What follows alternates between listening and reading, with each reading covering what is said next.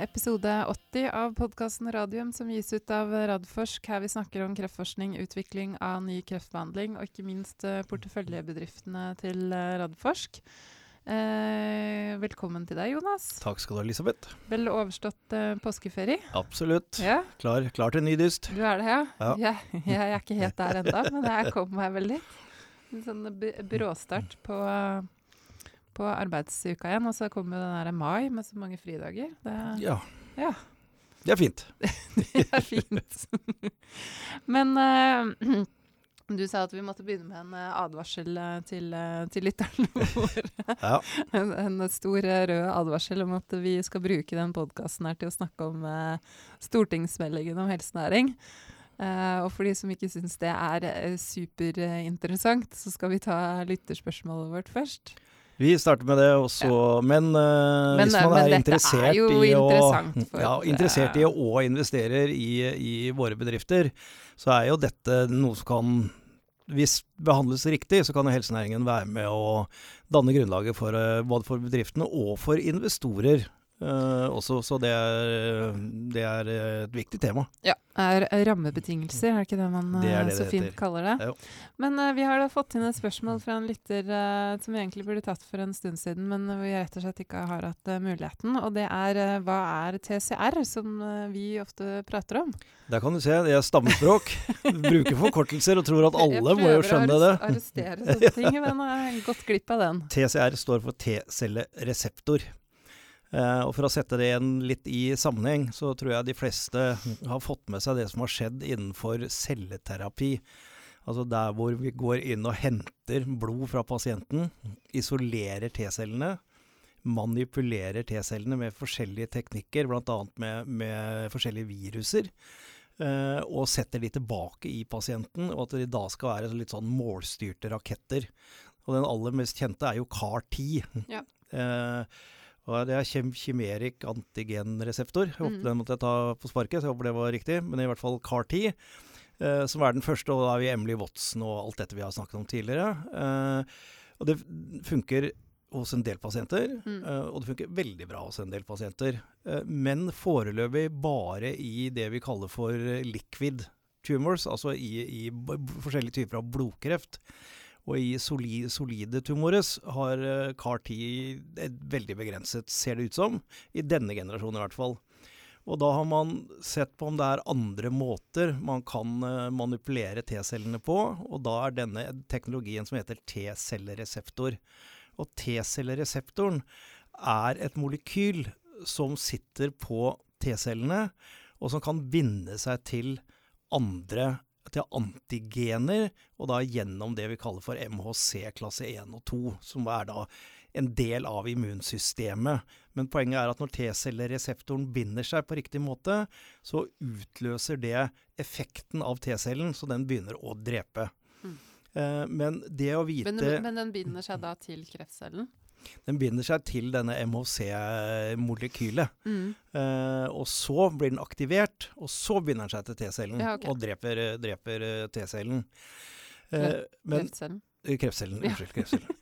Uh, men det som ofte skjer, som det alltid er når mm. med kreftutvikling, så blir ikke T-cellene og deres T-cellereseptor gode nok og flinke nok lenger til å bekjempe kreften, og da vokser kreftcellene. Mm.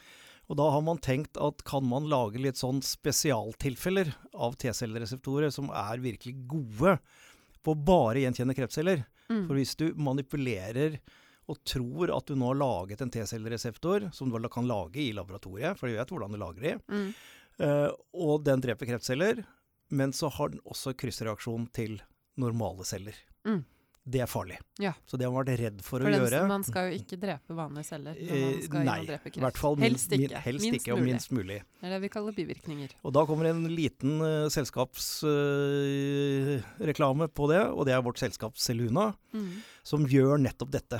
Og har nå startet behandling på sin første pasient. Og grunnen til at de gjør det på sin måte, er at de T-cellereseptorene som de bruker, de har vi funnet igjen i blodprøver hos pasienter som vi vaksinerte for mange år siden. og som så ble langtidsoverlevere. Mm. Og da betyr det at den T-cellen med den T-cellereseptoren Mm. har sirkulert i blodet til denne pasienten i veldig mange år uten å gjøre skade. Mm. Og det er liksom hypotesen da, at denne spesial T-cellereseptoren satt på pasientens egne T-celler, satt inne igjen, skal få effekt. Mm. Det gjenstår å se, men det er det cellene skal prøve. Og vi har jo hatt eh, Miguel Forte, som er eh, administrerende direktør eh, i Seluna her i studio. Jeg husker ikke i farten hvilken episode, men det kan man søke opp på Ja. Soundcloud eller Akast, så får man uh, høre mye mer om, om TCR og om Ja. Seluna. Minner meg litt om eh, mine barn, dette her når de spør meg hva er en TCR. Så, skal, så skal jeg egentlig svare T-cellereseptor, Ja. og ikke holde et foredrag på ti minutter. Men uh, sånn er det nå. Ja, du var, du var godt innafor, langt unna ti minutter. Men eh, til eh, da stortingsmeldingen om, om helsenæring. Det ble jo da lagt fram av, av næringsministeren, Torbjørn Røe Isaksen, eh, fredag 5. april på Rikshospitalet.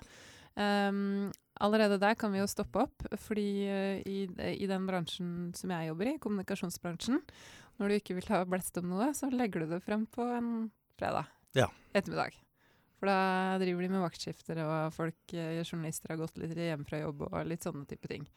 Men må, må, må jo uh, i, i rimelighetens Men, navn men du var der, så Ja, jeg i, i, rimelighet, bare så det på I rimelighetens navn si at Ja, det må først igjennom statsråd ja før det kan legges frem. Ja, det er sant. Men, uh, men likevel. Ehm, I hvert fall de, de som var der når, det- når meldinga ble lagt frem, det var jo da Erik Fosse fra Intervensjonssenteret, Katrine Myhre fra Norwegian Healthtech og Ole Alexander Oppdalsheim fra Kreftforeninga. Um, og jeg tenker at det var nok ikke tilfeldig, den riggen de hadde der. Der hadde de jo invitert pressen først opp til intervensjonssenteret, som mm. vi virkelig Altså, de, de gjør virkelig mye spennende. Ja. Uh, har jo hatt muligheten til å skrive om en del av det de, de holder på med der for, eh, for Invento, Mm. og de, de er jo virkelig langt framme når Ja. det gjelder, eh, gjelder innovasjon. Så, så all ære til eh, dem. Men, men meldingen handler jo mye om velferdsteknologi, medisinsk teknologi, norske hjemmemarkedet, utvikling av nye metoder her i Norge, og pasientene. Mm. Det siste Mm. heldigvis. Ja, og Ja. Det, er, det er helt riktig. Og, og jeg syns det er mye positivt i, i helsenæringsmeldingen, men, men eh, jeg savner jo at det man eh, fremhever litt mer og vil satse på den, den delen av helsenæringen som vi representerer, nemlig de, de eh, bioteknologibedriftene som utvikler uh, legemidler. Ja. Eh, det syns jeg kommer litt uh, i bakgrunn for Medtech, som altså igjen det gjøres utrolig mye bra og spennende innenfor Medtech i Og, Norge. og veldig viktige produkter. Ja. Også, det er også mye snakk om kommunen i denne meldingen her. Og det er Ja. jo helt klart at hvis Altså når det blir flere eldre og det blir flere syke, så altså folk kan ikke ligge på sykehus. Folk vil enten være hjemme eller være på type sykehjem, og da trenger du smarte teknologiske løsninger. Vi trenger også nye legemidler. Ja. det gjør vi også. Ehm, men i hvert fall det som skal skje nå med, med denne stortingsmeldingen, at den skal behandles i næringskomiteen. Ja. Og så skal den innom en tur i helsekomiteen, Mhm. faktisk. For de skal få lov til å um, se litt på den før, eh, før den blir innstilt da, til Stortinget. Eh, det er mulig at den skal behandles i Stortinget i mai, men det har ikke jeg funnet noe sånn veldig spesifikt om. Eh, I hvert fall ikke på internettet enda. Det ligger ikke noe ute der. Så um, det får vi finne ut av. Ja, men eh, Magnus Thue, som jo har eh, stått bak dette, statssekretær mm. i Mm. Næringsdepartementet, var tydelig på at den skulle behandles før sommeren. Ja. Da mai, juni. Når er det de tar store eh, ferie? Det er juni. 2. juni eller noe. Ja, ja da blir det mai. Ehm, vi, vi har lest litt av dette her i påsken. Eh, en ting som den meldingen her er veldig tydelig på, det er jo at næringslivet skal inviteres inn i større grad enn tidligere. Altså inviteres inn i helse- og omsorgssektoren for å samarbeide mer med de. Det, tror jeg- det syns jeg er kanskje det tydeligste Ja. i helsenæringsmeldingen, for der er det Vi kommer tilbake til det at det er, det er mye bør og kanskje og skal utredes, men, men eh, det er et klart budskap om at uh, helsenæringsmeldingen sier at de opplever ikke en ukultur, men en dårlig kultur uh, i det fra helse- og omsorgssektoren å ta imot næringslivet, og spesielt det, det norske uh, næringslivet. Og det har jeg opplevd på, på skinner sjøl gjennom mange år tidligere, at det å, å drive med legemiddelutvikling og med selskaper, det var liksom å representere fienden, nemlig den farmasøytiske industrien. Mm. Uh, og vi husker jo alle kronikkene i Dagens Næringsliv for ikke så veldig lenge siden. Uh, så overskriften var noe sånn som 'hold uh, legemiddelindustrien unna sykehusene'. da blir det litt vanskelig å utvikle legemidler.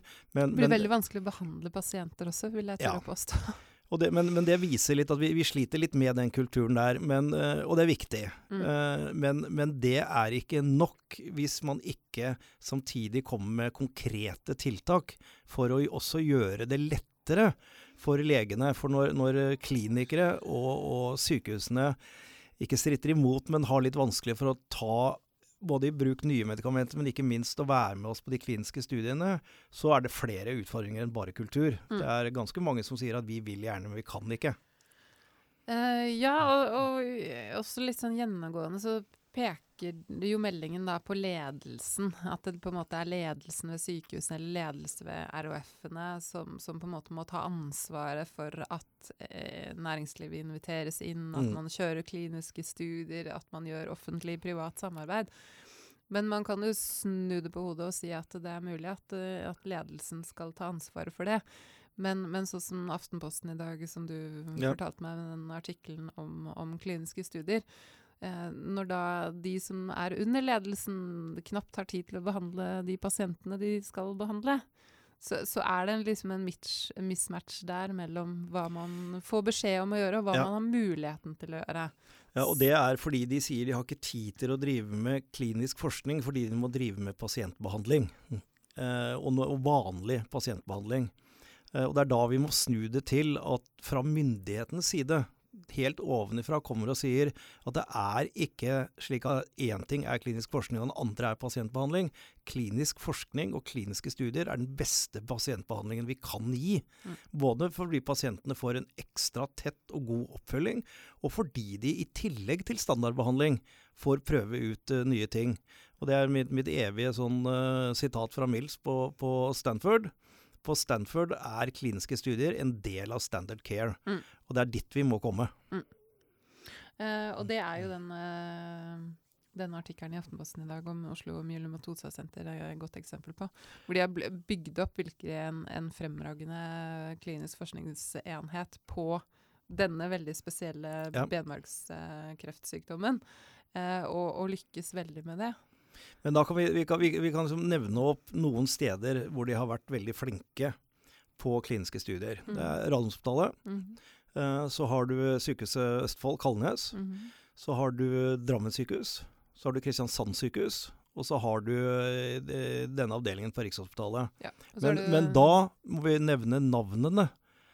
For det står en ildsjel bak. Det er And Andreas Stensvold eh, nede i Østfold. Eh, det er Karstens i Kristiansand. Uh, og så sto det helt stille Brustugen og Terje mm. Brustugen i Drammen. Så her er det virkelig ildsjeler som går imot strømmen. Og det er ikke sånn det skal være. Nei. Vi kan, vi kan snakke litt mer om, om uh, kliniske studier uh, etterpå. Men, men hvis vi skal snakke om noe som er viktige, viktig for, for, selskapene våre, så er det jo dette med opsjonsbeskatning. Ja. Og det er også tatt opp eh, i meldinga i Nå skal jeg bla opp mens jeg prøver å prate, prate kapittel sju. Eh, for der har man jo sett på den eh, NOU-en fra kapitaltilgangsutvalget. Ja. ja. Men, men, de, men, de er jo ikke helt tydelige her. Da. Jeg kan jo lese. Regjeringen vil vurdere kapitaltilgangsutvalgets utredning og anbefalinger, herunder endringer i beskatningen av ansattopsjoner i små, nyetablerte selskaper. Ja, Sånn tolker du det da, Einarsson? For dette er jo en av de tingene vi har spilt inn i, til helsenæringsmeldinga, at dette er det viktig å ta tak i. Ja, det, det, er kjempeviktig, fordi vi, vi, sliter med å rekruttere folk. Og, og, og, vi vil helst ikke bruke alle investorenes penger på lønninger, og heller eh, la de ansatte få en anledning til å dele verdiskapningen dersom de lykkes. Mm. Eh, så jeg er veldig positiv til opsjonsordninger. Det er ikke alle investorer som eh, er det. Jeg møter mye motstand blant det. De, Hva skyldes det, da? For oss nei, som ikke de, er så inne i akkurat den biten. Føler, jeg får tilbakemeldinger at, at de føler at vi deler ut deler av selskapet gjennom opsjoner, som da fører til utvanning for de som har puttet sine egne penger inn. Eh, jeg skjønner den, eh, den, eh, argumentasjonen, men på den annen side så er det jo sånn at dersom man ikke lykkes, så har vi ikke brukt opp pengene på dette. Og dersom man lykkes, så deler man jo en gevinst. Mm. Så i mine øyne er dette en, en, veldig positiv ordning. Men så er det jo sånn også da at når man nå noen skal, skal utløse og får tildelt opsjoner og skal velge å innløse de, så fører jo det til at de må selge halvparten eh, for å dekke skatt. Ja. Eh, og, og, og, de må altså skatte av noe som kanskje ikke blir verdt noe.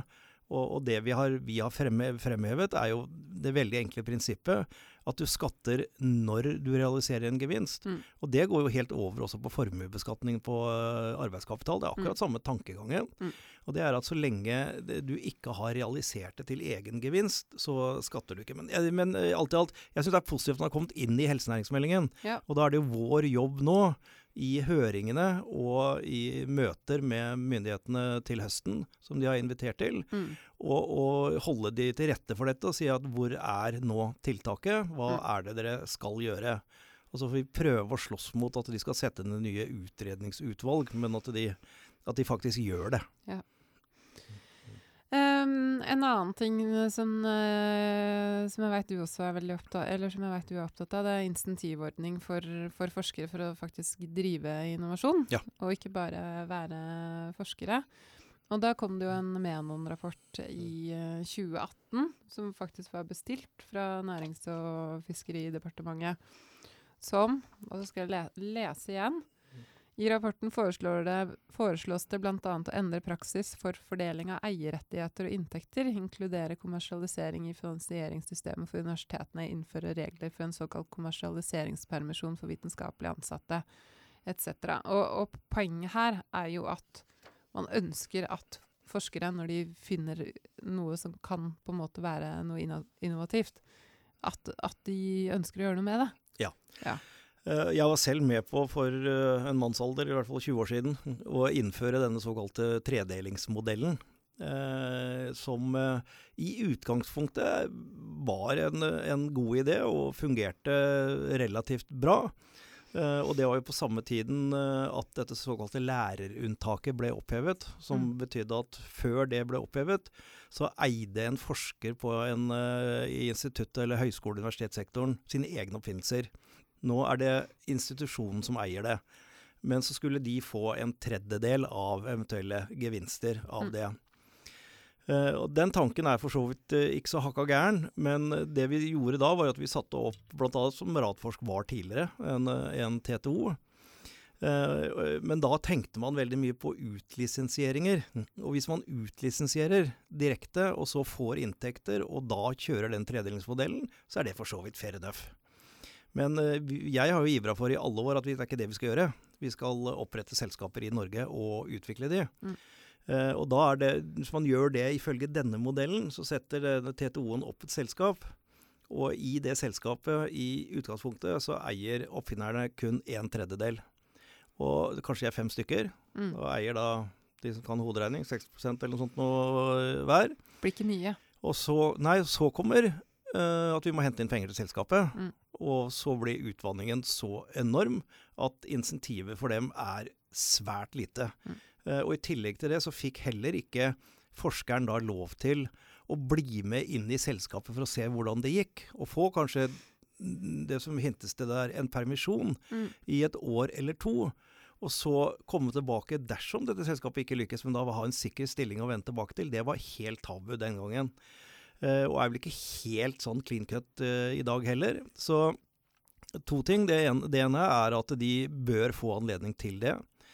Uh, I mine øyne så bør det være sånn at hvis forskeren selv ønsker å utvikle den ideen, så kan forskeren få lov til å sette opp sitt eget selskap mm. og lisensiere sin egen idé inn i det selskapet.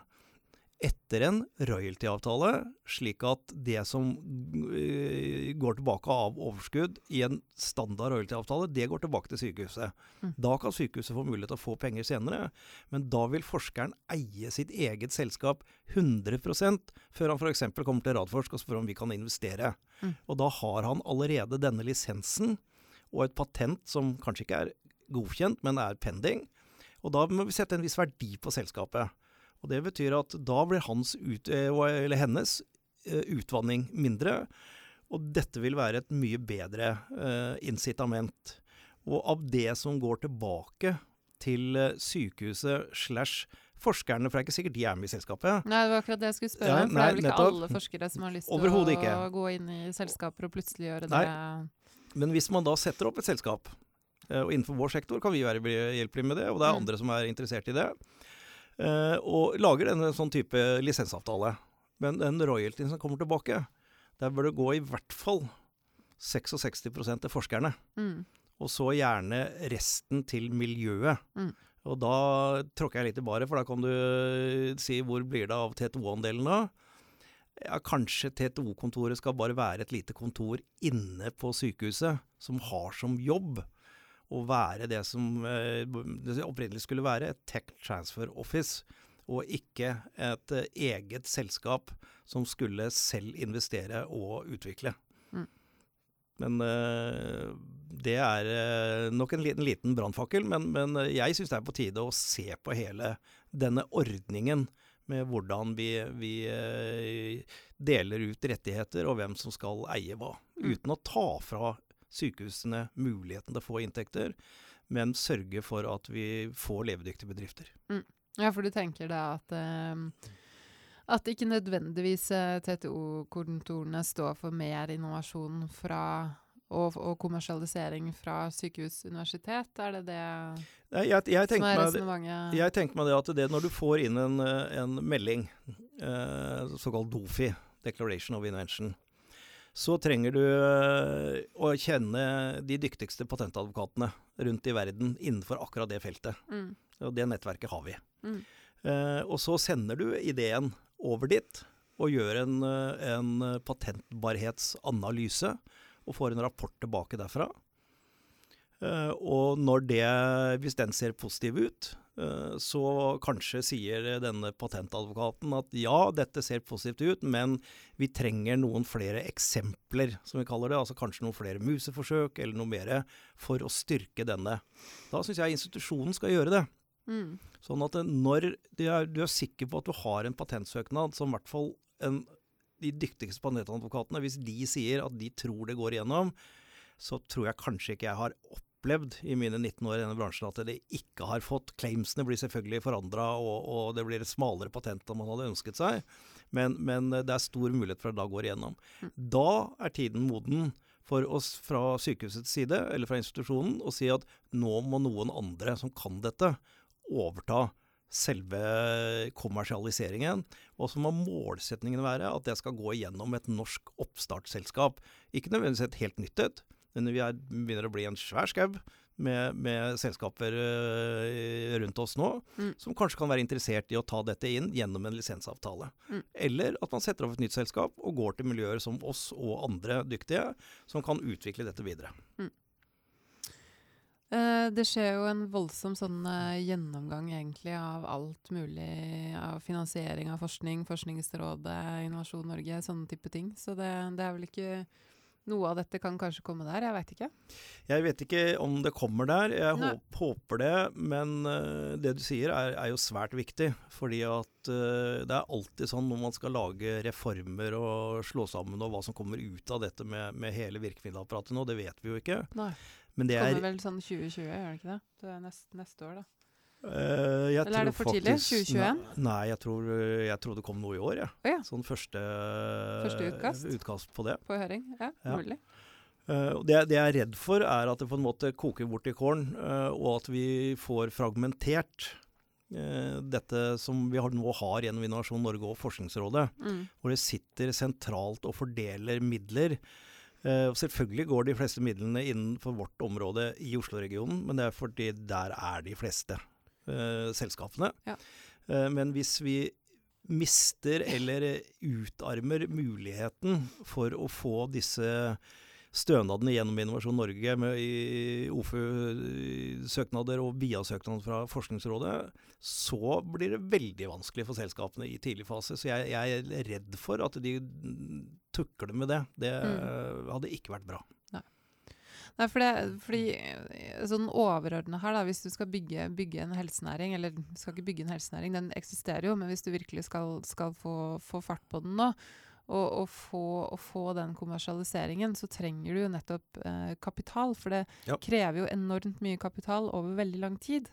Eh, og, det, og, det, er jo derfor på en måte det offentlige eh, kan bidra på en helt annen måte kanskje enn for andre bransjer som har en mye lettere, til, altså, lettere vei til markedet. Det er det som er mye av uh, cruxet her, er det ikke det? Jo, jeg, jeg er enig i det. Og, og disse vi, vi, sier jo det at uh, vi syns ikke selskapene våre har gjort jobben sin godt nok hvis ikke halvparten av de første 40 millionene som blir brukt, er kommet fra offentlige stønader, enten det er fra norsk eller, eller EU.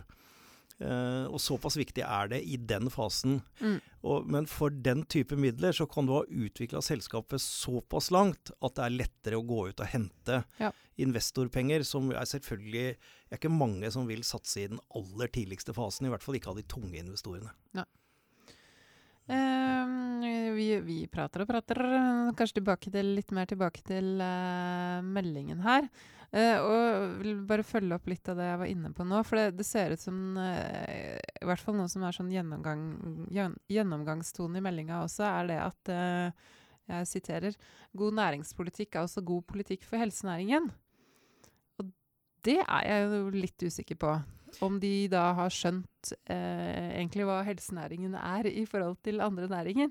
Det høres nesten ut som dette her er litt sånn klassisk eh, høyrepolitikk med at vi skal ikke velge vinnere, vi skal være næringsnøytrale. Men har man da virkelig tatt inn over seg at helsenæring er en annerledes næring?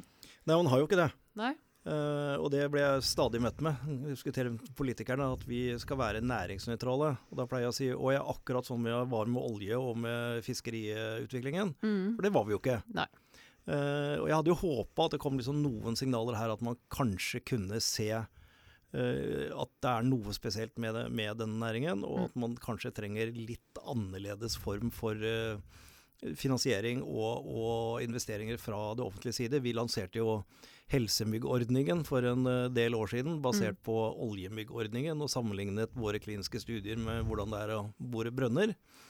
Eh, det falt jo totalt for døve ører. Mm. Var, eh, vi klarte nesten å få det opp på landsmøtet i Høyre en gang, men denne komiteen som velger ut hva som skal opp, den satte foten ned og sa at vi, dette kan vi ikke være med på, for det er ikke næringsnøytralt. Så det syns jeg er skuffende. Mm. Ja, for det, det, er vel kanskje det, det, inntrykket jeg sitter igjen med, at, at det Altså, selve, selve, selve, meldingen er god på den måten at den, den beskriver jo, ja. beskriver jo liksom realitetene. Den, den, beskriver jo helt tydelig hvordan næringen er, og hva som er utfordringene med helse- og omsorgssektoren. At, at, det ikke er et godt nok uh, samarbeid. Uh, og jeg syns også den lederen til, eh, til Markus eh, Moe i Dagens Medisin uh, var veldig god på det. Altså, han skriver i overskriften at det er en sterk melding, men usikker effekt. Og jeg er mm. helt enig med han i den konklusjonen. fordi det er ingen av de tiltakene når jeg leste gjennom meldingen her, som peker på at, uh, på at hvis vi gjør disse tingene her, så går det liksom strak av veien.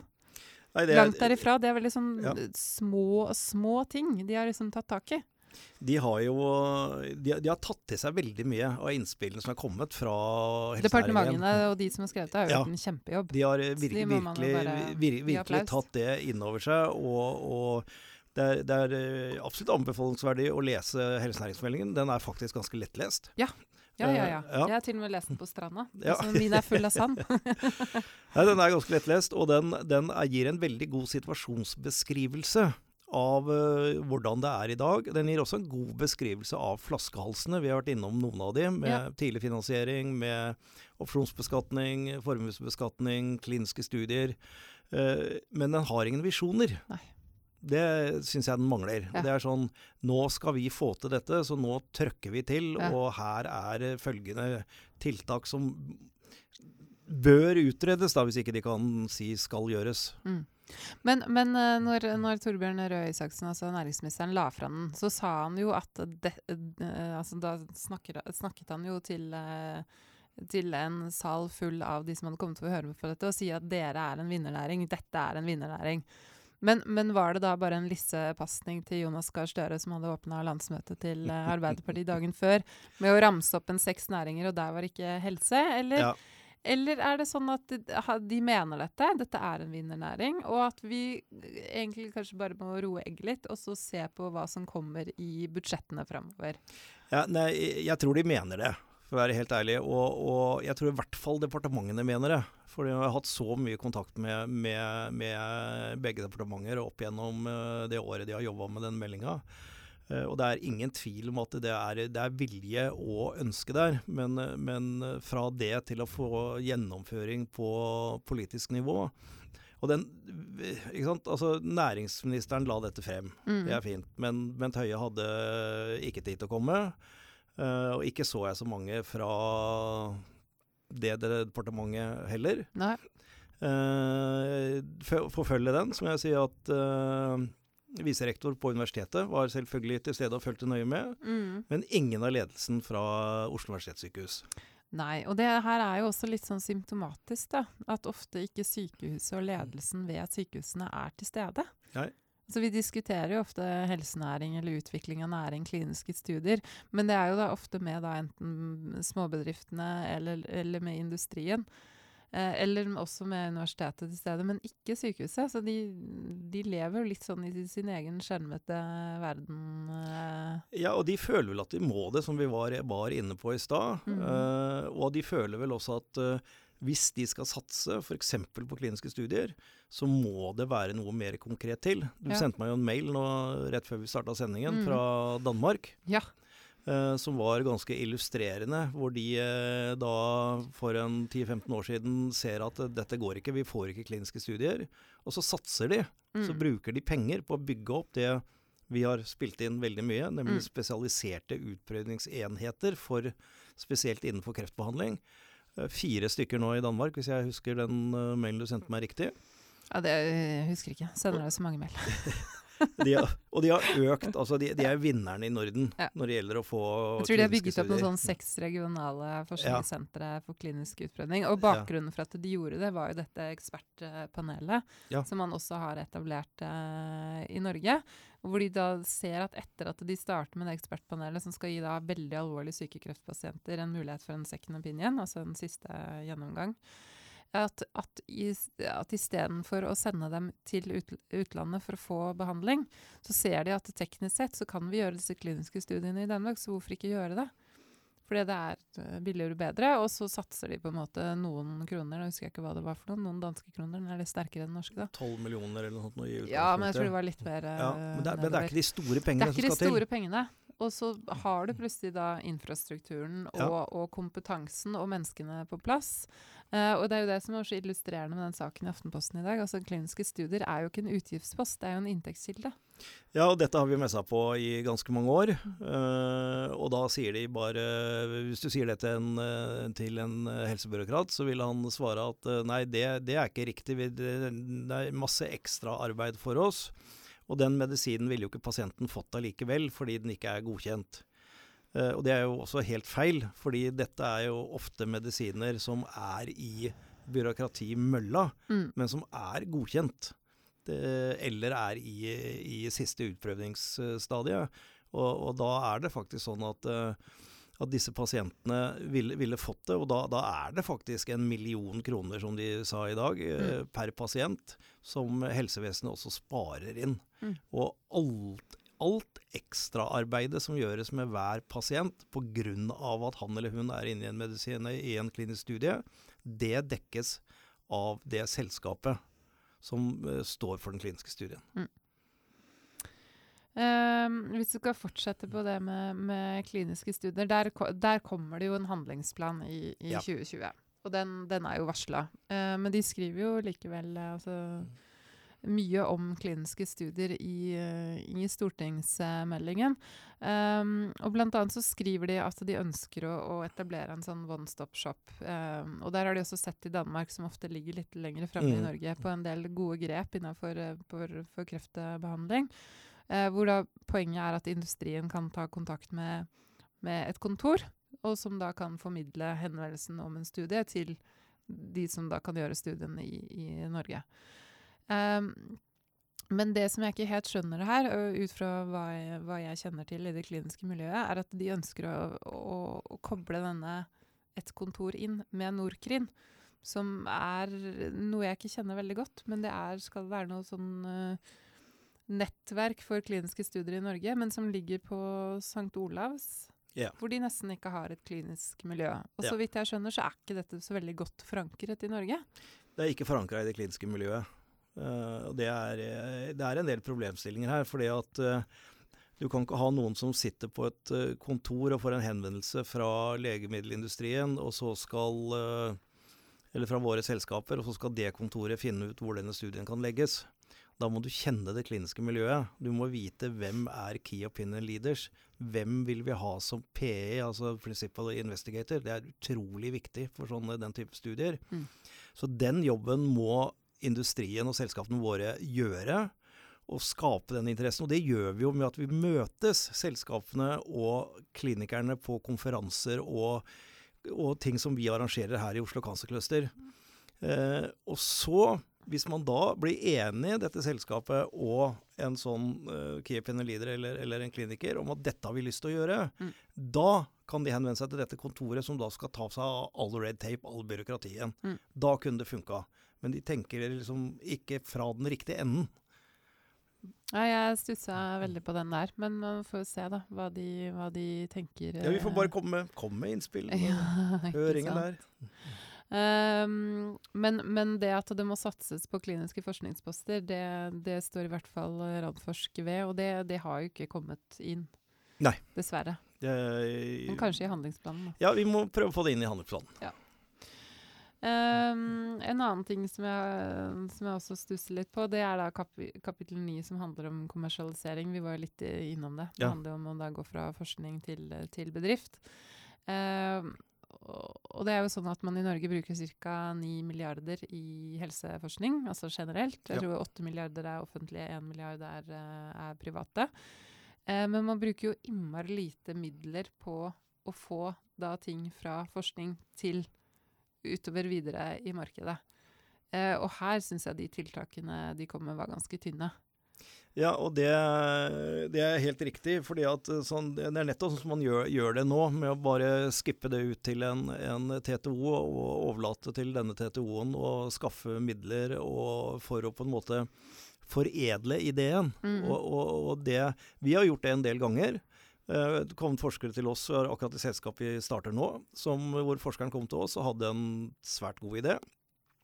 Men manglet dette med, med å eh, gå gjennom den rette patentadvokaten. eh, skrive et utkast til en patentsøknad, gjøre en såkalt freedom to operate-analyse.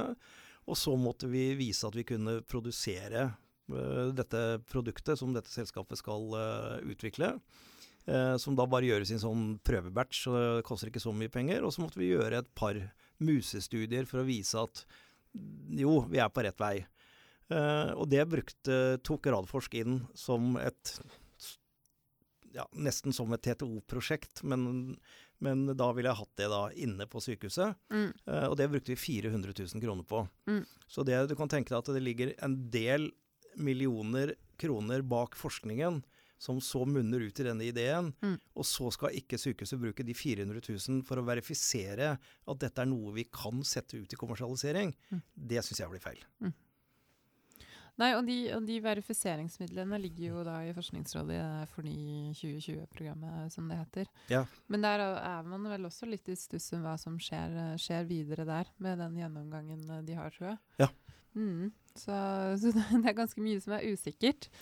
Og det, og det også er sånn jeg eh, leste gjennom som jeg lurer på, fordi er det sånn nå at denne helsenæringsmeldingen kommer midt opp i så mange andre meldinger som den både spiller sammen med og avhenger av, at man derfor blir litt sånn vag? For, Ja, det, for det kan jeg jo skjønne, at hvis du setter en veldig tydelig retning her, og så får det implikasjoner for mange andre pågående prosesser, så er ikke det så veldig lurt. Det hadde ikke du ramsa Jo, opp i manuset ditt? jeg har en oppramsing, men jeg tror ikke den er utfyllende engang. Det er stortingsmelding om offentlige anskaffelser. Det er ny nasjonal helse- og sykehusplan 2020-2023. Prioriteringsmeldingen, Digital 21-strategi, Helse- og omsorg 21-strategi. Eh, den gjennomgangen som vi har snakket om av det næringsrettede virkemiddelapparatet. Industrimeldingen.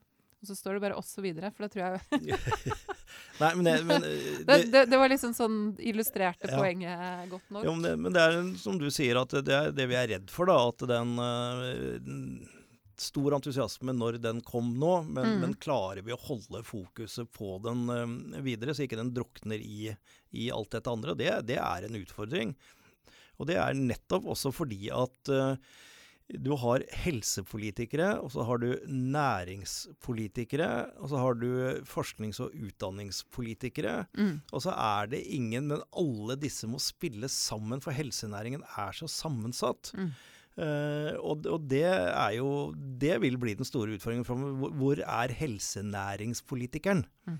Er, jeg vet ikke. Eh, og, og hvor er Helsenæringsdepartementet? Er ikke det Gilles Ja. Moe gjerne vil ha? ja, ja. Jo, men, det, men det er det som har vært utfordringen vår i alle år. Det er veld, veldig sektor, ikke sant? Og så klarer Ja. vi ikke samarbeidet på tvers av, av sektorene. Nei, det er den vanlige silo, silotenkninga. Men, Mm. men det, det holder ikke å tenke silo hvis du skal gjøre helsenæring. Da må du tenke tverrsiloer. Tver, tver, tver, tver Mm.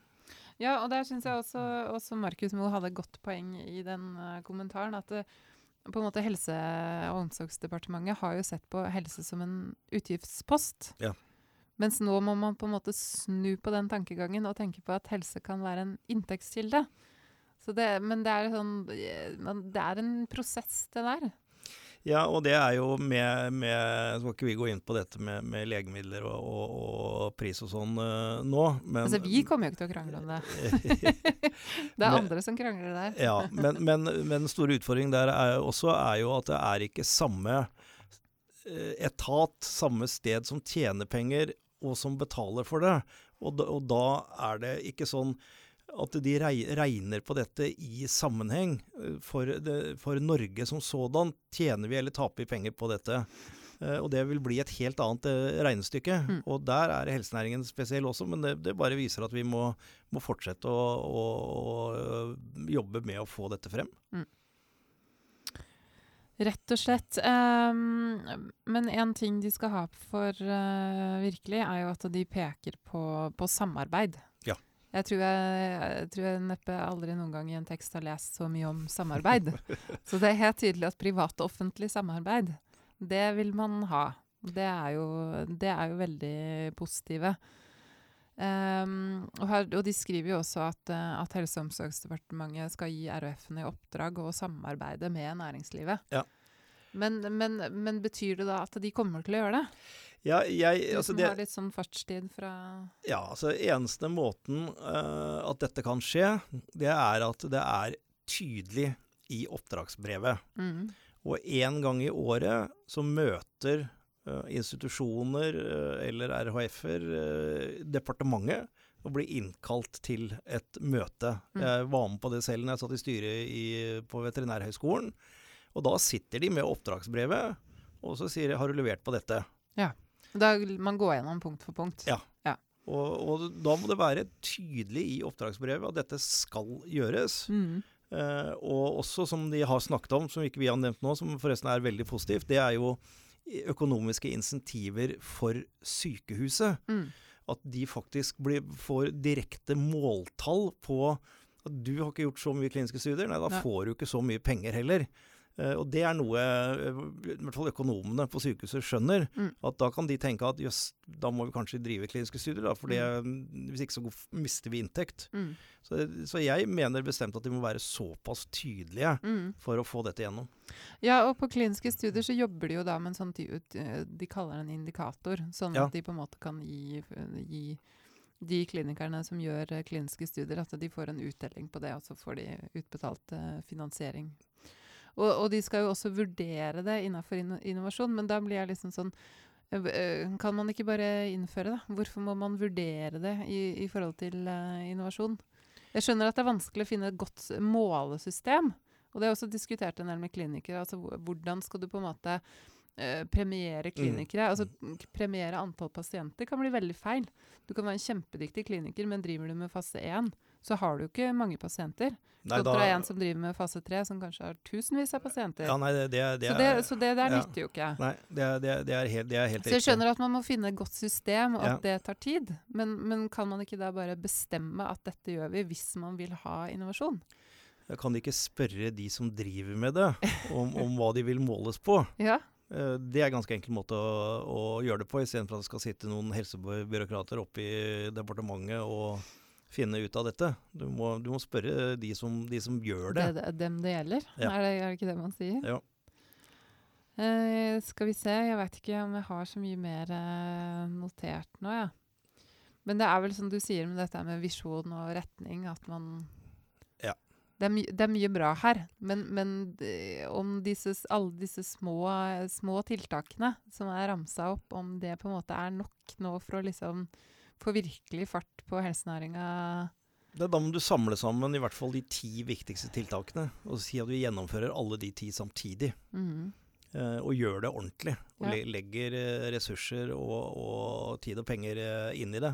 det. Det tror jeg kan hjelpe. fordi Mm. det er såpass mange flaskehalser som ramses opp her, at hvis det blir ett tiltak her, et lite tiltak der, så tror jeg det går veldig lang tid før vi ser noen resultater av dette. Mm. Ja, og så er det dette med kulturendring også, at man ønsker å endre kultur for, for samarbeid. Ja. Det er sånn, det der å endre kultur er ikke, det er ikke bare bare. Nei, og det, jeg tenker at da må man ha noen helt reelle insentiver, eller at det Ja. kommer et oppdrag eller noe. Ja, det, det, det, det, altså det, det, det holder ikke å si til ungene at det slutter å bråke. Altså, så slutter de i ett minutt, så er det like, like, like mye leven eh, etterpå. Altså, du har tydeligvis møtt mine barn. Eh, Jeg har- ganske god erfaring på det området sjøl gjennom mange år. Så nei, altså det, det, det- det må være litt sånn fast hånd her, tenker jeg. Så Ja. må være litt, litt styring må til. Ja, men det, det, blir, eh, det blir spennende å se. Jeg har jo blitt spurt om å lede en debatt mellom nettopp næringsministeren og um, Ingvild Kjerkol, som er uh, helsepolitisk talsperson for Arbeiderpartiet i morgen.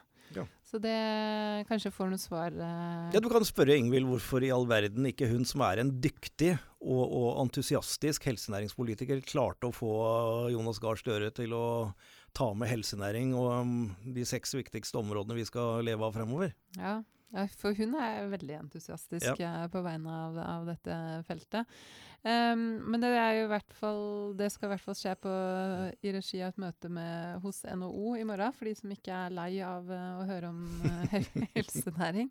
Det er en hel formiddag spekka med helsenæring og med Menon-rapport og posisjoneringsprosjekt fra Innovasjon Norge og i det hele tatt. Em, neste uke så er det 1. mai. Da jobber ikke vi. Nei. I hvert fall ikke, i, hvert fall ikke i dette studio, si. Uh, vi, så vi er tilbake 8. mai, og da skal vi snakke om noe som heter eh, Inspire. Apropos privat-offentlig samarbeid. Det er spennende. Det er veldig spennende. Samarbeidsprosjekt for å få kunnskap om bruk av kreftmedisiner på norske sykehus. Og det jeg tror vi skal snakke en del om der, er jo nettopp næringspotensialet i, i det. Ja. Og så eh, skal du tease noe som eh, vi skal kalle Post-Asko. Den tror ikke vi at vi har en sånn trademark på den akkurat, men Nei, nei, men det er mye post, post eh, Og blant annet så har jo Dagens Næringsliv et eh, veldig bra postaskomøte hvert år. Dagens. Medisin i hvert fall. Så hva sa jeg? Dagens Næringsliv. Dagens Næringsliv. Ja, kanskje de burde gjort det. Dagens Medisin, beklager. Vi, eh, vi, Men, men ta Asko først, da. Hva Ja, er Asko, Asko- og hvorfor skal vi ha Postasko? Post-Asko? Er verdens største eh, kreftkonferanse. Ja. Det er også andre veldig store innenfor immunterapi og kreft, men, men Asko er den bredeste. Eh, var der første gangen, jeg husker ikke nå, syv-åtte år siden. Da var immunterapi eh, knapt nevnt. Nå er det det desidert største feltet. Der kommer alle nye oppdateringene Mm. på de, de langtkomne studiene. Eh, der er vi veldig spente. Blant annet så venter vi å få to års oppfølging av eh, kombinasjonsstudiene innenfor immunterapi, hvor man bruker både denne PD1-nivået og, og CTLA4-IP, Mm. men nå med en mye lavere dose med, med CTLA4, som Ja. gir veldig mye mindre bivirkninger. Og vi fikk tolv måneders data der i fjor, og det ser ut som responsen er like god, mye mindre bivirkninger, men vi vet ikke hva som skjer nå etter to år. Får de da dårligere respons over to år? Blant annet så mm. kommer det. Eh, og som jeg sa eh, da riktig denne gangen, Dagens Medisin har eh, sitt post-ASKO-møte og er kjempeflinke til å samle klinikere som har vært på ASKO. Og de drar jo dit selv også og lager masse reportasjer derfra, som er kjempe, vel verdt å se på. Kjempejobb rundt det. Så det vi tenkte vi skulle gjøre, var å dagen etter det igjen å invitere de av våre bedrifter som mm. har vært på ASKO, og høre hva de har fått med seg mm. i forhold til hvordan de ser utviklingen av selskapene og nye muligheter for kombinasjoner og annet. Så det tror jeg kan bli veldig spennende. Ja. Men da snakker vi 12.6, så det er, det er, en stund til uh, igjen. Men det er jo greit å å holde, holde av datoen, si. holde av datoen, nei. Holde av datoen for en podkast blir veldig rart. Blir... Men, men, skal du på ASKO i år? Ja, du, ja, det skal jeg. Mm. Når er det det er? Eh, 31. mai til 4. eller 5. juni, tror jeg. Ja. Mm. ja. men da passer det supert å ha den gjennomgangen 12. Eh, juni. Da jeg, tenker jeg vi bare sier eh, fortsatt god eh, april, og så høres vi igjen i mai. Takk for i dag.